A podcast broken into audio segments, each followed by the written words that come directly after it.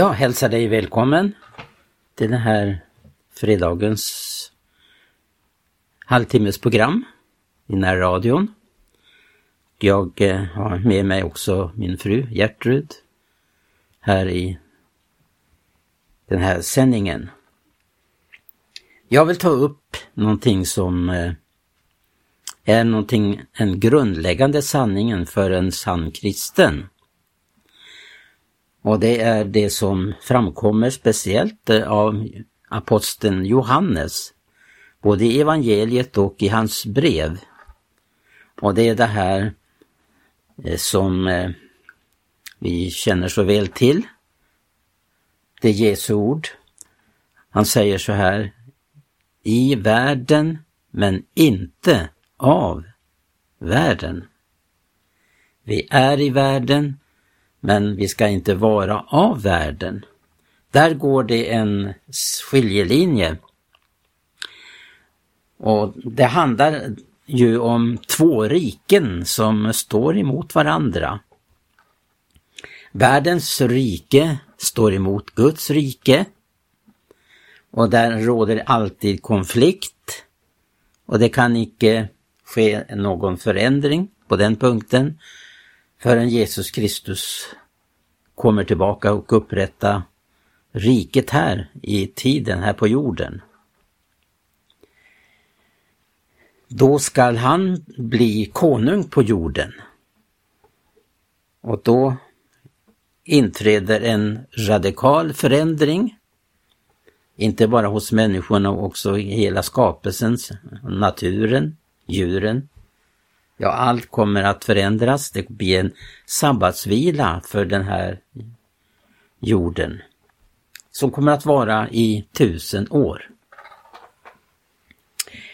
Men vi lever här och nu och vi kämpar trons goda kamp. Ja, aposteln uppmanar ju, Jakob som säger det, att eh, vi ska kämpa för den tro som en gång för alla blev överlämnade åt det heliga. Den troende, den kristne eh, människan är kallad till att kämpa trons kamp, att vara en soldat. Därför så framkommer det också i, i Bibelns undervisning om just detta att vara en soldat. Att eh, kämpa emot makter och myndigheter som härskar här i världen mot, luft, mot eh, försten för luftens härsmakt, djävulen alltså. När Jesus kom så avslöjade ju han mörkrets gärningar, han avslöjade vad världen står för. Och hans stora uppdrag var att han skulle eh, ta ut, eller Gud tog ut människor som Gud gav åt honom, Jesus. För det står ju så här i eh, Johannes evangelium, 16 kapitel och den sjätte versen och därifrån, alltså 1917 års bibelöversättning. Jag har uppenbarat ditt namn för de människor som du har tagit ut ur världen och givit åt mig det vore dina och du har givit dem åt mig och de hava hållit ditt ord. Observera här vad Jesus säger. Att eh, Gud han har tagit dem ut ur världen och han har givit dem åt mig, alltså Jesus. Och då kan vi också läsa vidare i samma kapitel ifrån den fjortonde versen. Så säger Jesus så här, jag har givit dem ditt ord och världen har hatat dem eftersom de inte är av världen, lika som inte heller jag är av världen. Jag ber dig icke att du ska taga dem ut ur världen, utan att du ska bevara dem från det onda. Det är och icke av världen, lika som icke heller jag är av världen. Helga dem i sanning, ditt ord är sanning. Och Jesus säger också på ett annat ställe i Johannes evangelium att denna världens första kommer i mig finns intet som hör honom till. Jag ska vidare citera några andra bibelställen. Och där det talas till exempel om att eh, man ska undgå världens besmittelse. Det är Petrus som skriver detta. I Petra andra brevs andra kapitel. Och där står det att eh, vi ska undkomma världens besmittelse. Men så går vi till, tillbaka till Johannes, aposteln Johannes och där i breven så får vi också klara besked om det, det gäller den troende och världen. Ja, det står så här i Johannes första brev, andra kapitel och från den sextonde versen. Ty allt som är i världen, köttets begärelse och ögonens begärelse och högfärd över detta livets goda, det är icke av Fadern utan av världen. Och världen förgår och dess begärelse, men den som gör Guds vilja, han förbliver evinnerligen. Ytterligare ett citat ifrån samma apostel. Och där så säger han klart och tydligt och då är det i eh, femte kapitlet där, Johannes första brev alltså, och eh, nittonde versen.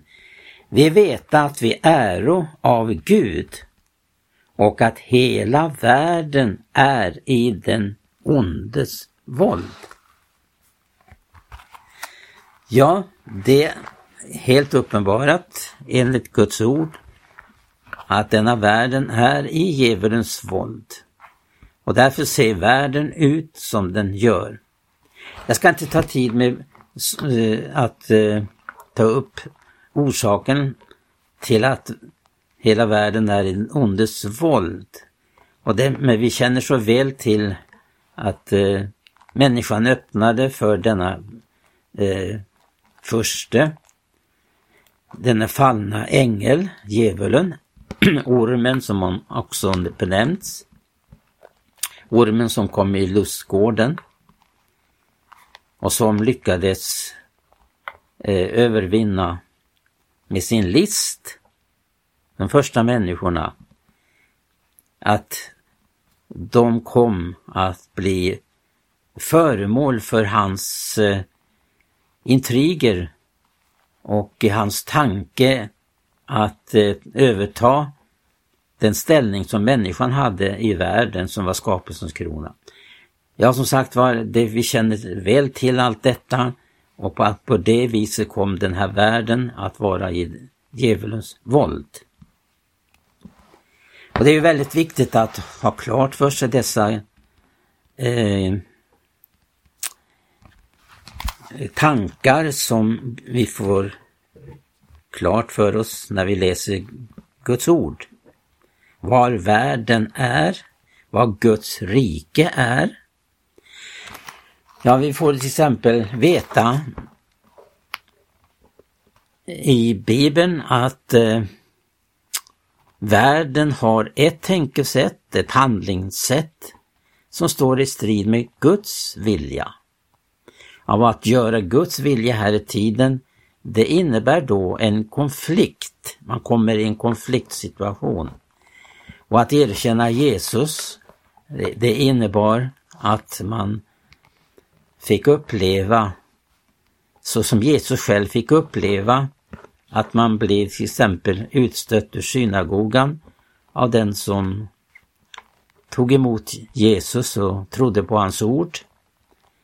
De blev utstötta ur synagogan bland annat, hatade av världen och allt det som hände Jesus, det uppenbarade ju då människans ondska och eh, faktiskt då att man gjorde sig skyldig till justitiemord mot Jesus.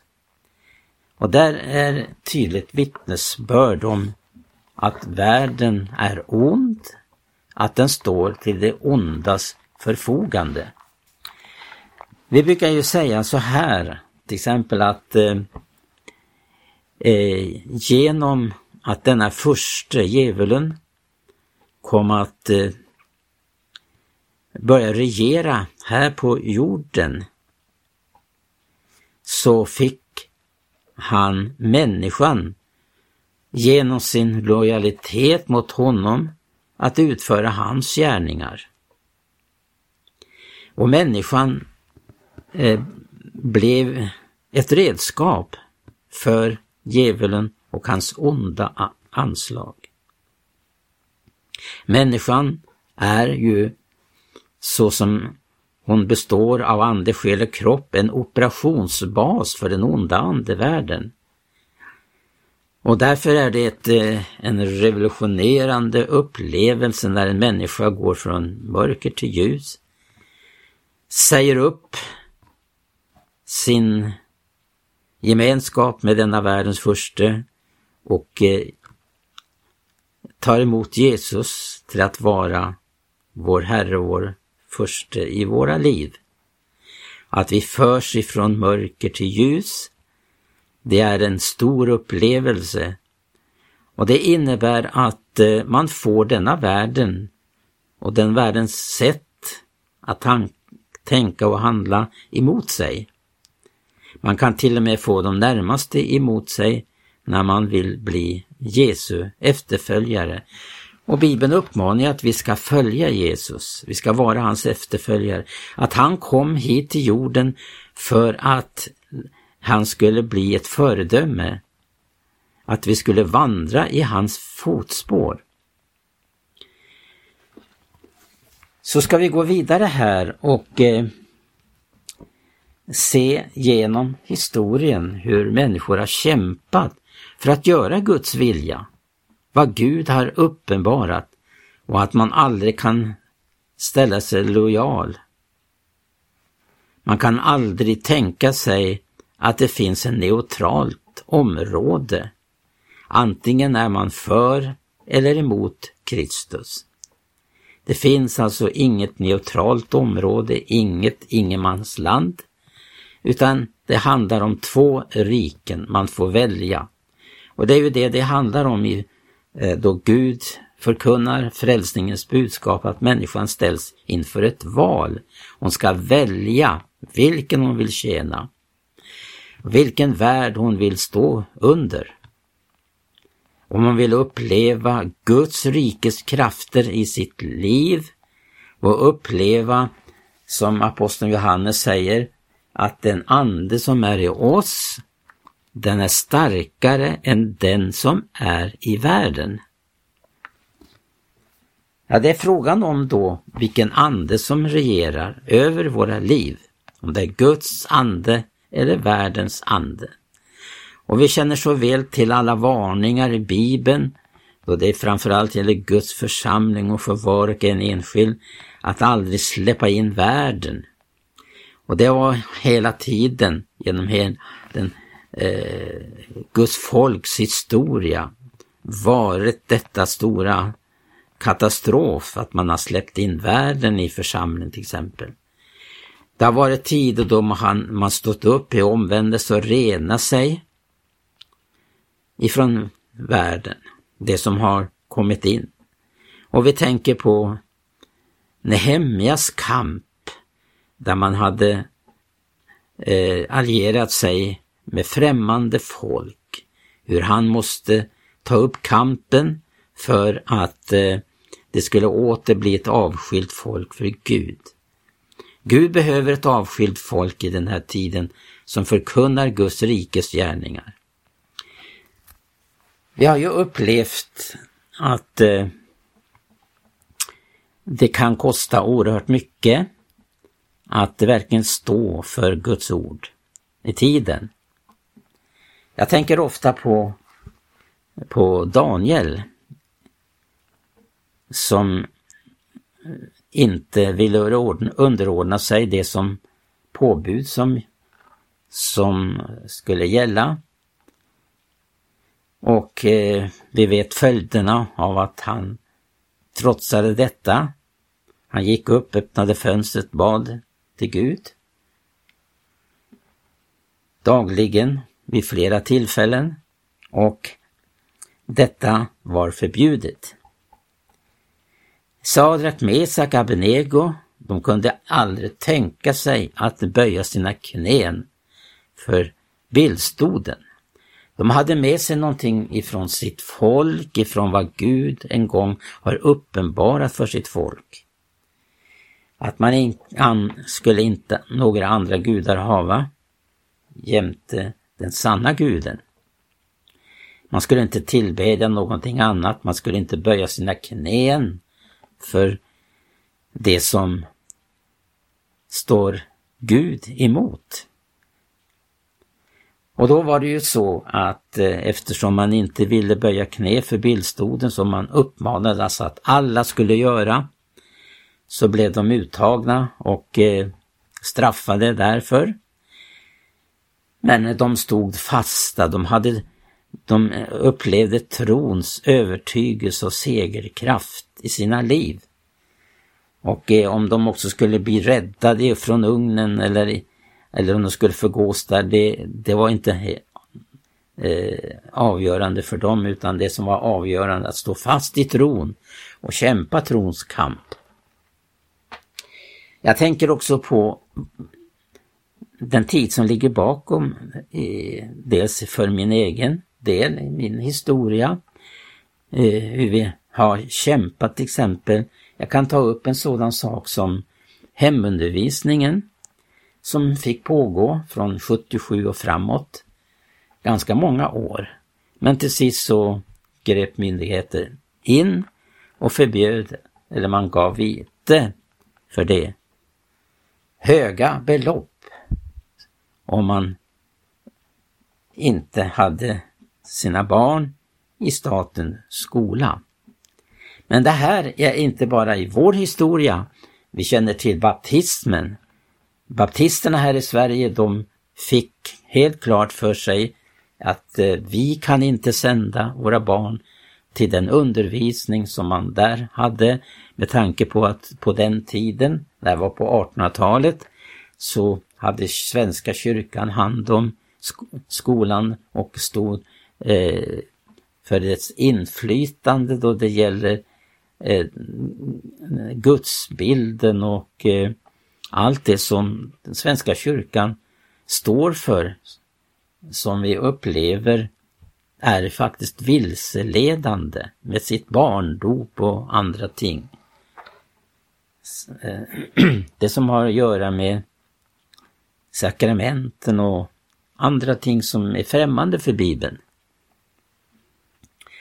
Då beslöt man på en rikskonferens att man skulle börja och ha undervi undervisa sina barn själva, som det kom att då kallas eh, eh vardagsskolor. Eftersom det redan fanns söndagsskolor så skulle man nu också bedriva eh, vardagsskolor. Och det blev reaktion från myndigheter och man förföljde dem. Men de fortsatte trots kampen. Ända till dess att man gav upp eller man lockades att eh, liksom kunna gå halva vägen till mötes och så var den sagan all. Men de kämpade i många år. Jag tror det var 30, ett 30-tal år. 30-40-tal år. Och eh, det gav också resultat i att historien säger att, att väckelsen fick just ett, ex, ett speciellt starkt fäste i dessa bygder där man bedrev vardagsskolor. Det här känner vi till. Jag vet som jag har ju min fru med här. Och eh, du har ju också haft hemundervisning och du, vilket år började du med det? Jag började 1980 med mina barn. Då. Ja, och fortsatte ända till? Ja, ända till 2009 eh, var det väl. Någonting ja. sånt som jag slutade. Ja. Det är eh, Ja, jag har haft alla mina barn då i hemundervisning. Ja. Och eh, vi har ju mött många som har kämpat med det här. Och eh, ja, man kan också idag, eh, senast häromdagen så fick vi ju en eh, nyhetsrapportering om barn som man inte lämnat till statens skola.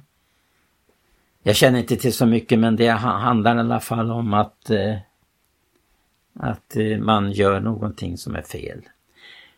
Men det handlar ju inte om att man undanhåller barn eh, en visning.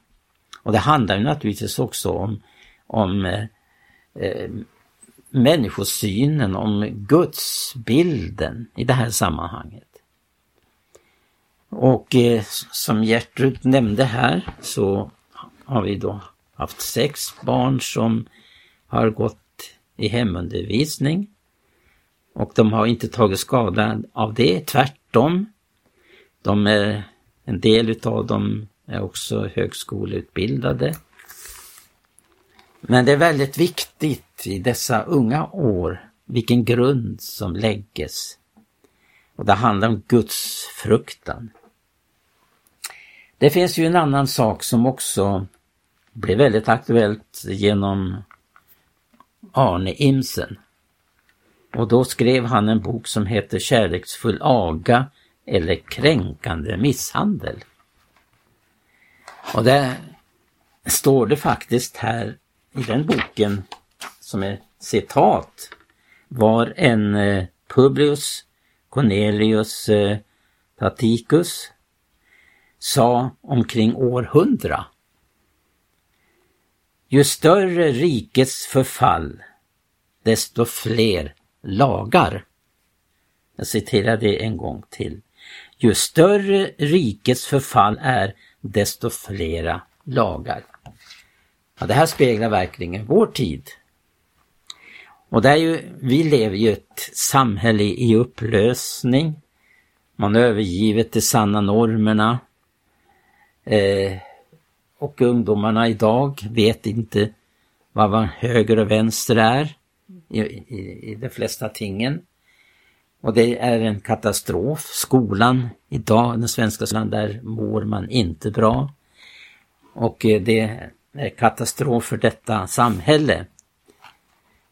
Och det har med, med familjen att göra, att det finns en, en, en familj, att det finns eh, eh, ett hem där man kan växa upp och där föräldrarna har ett stort ansvar. Det gäller att lära i Guds fruktan vad det är.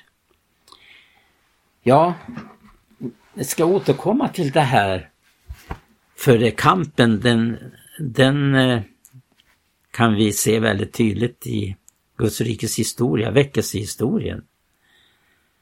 Och det finns många exempel på hur man har konfronterats.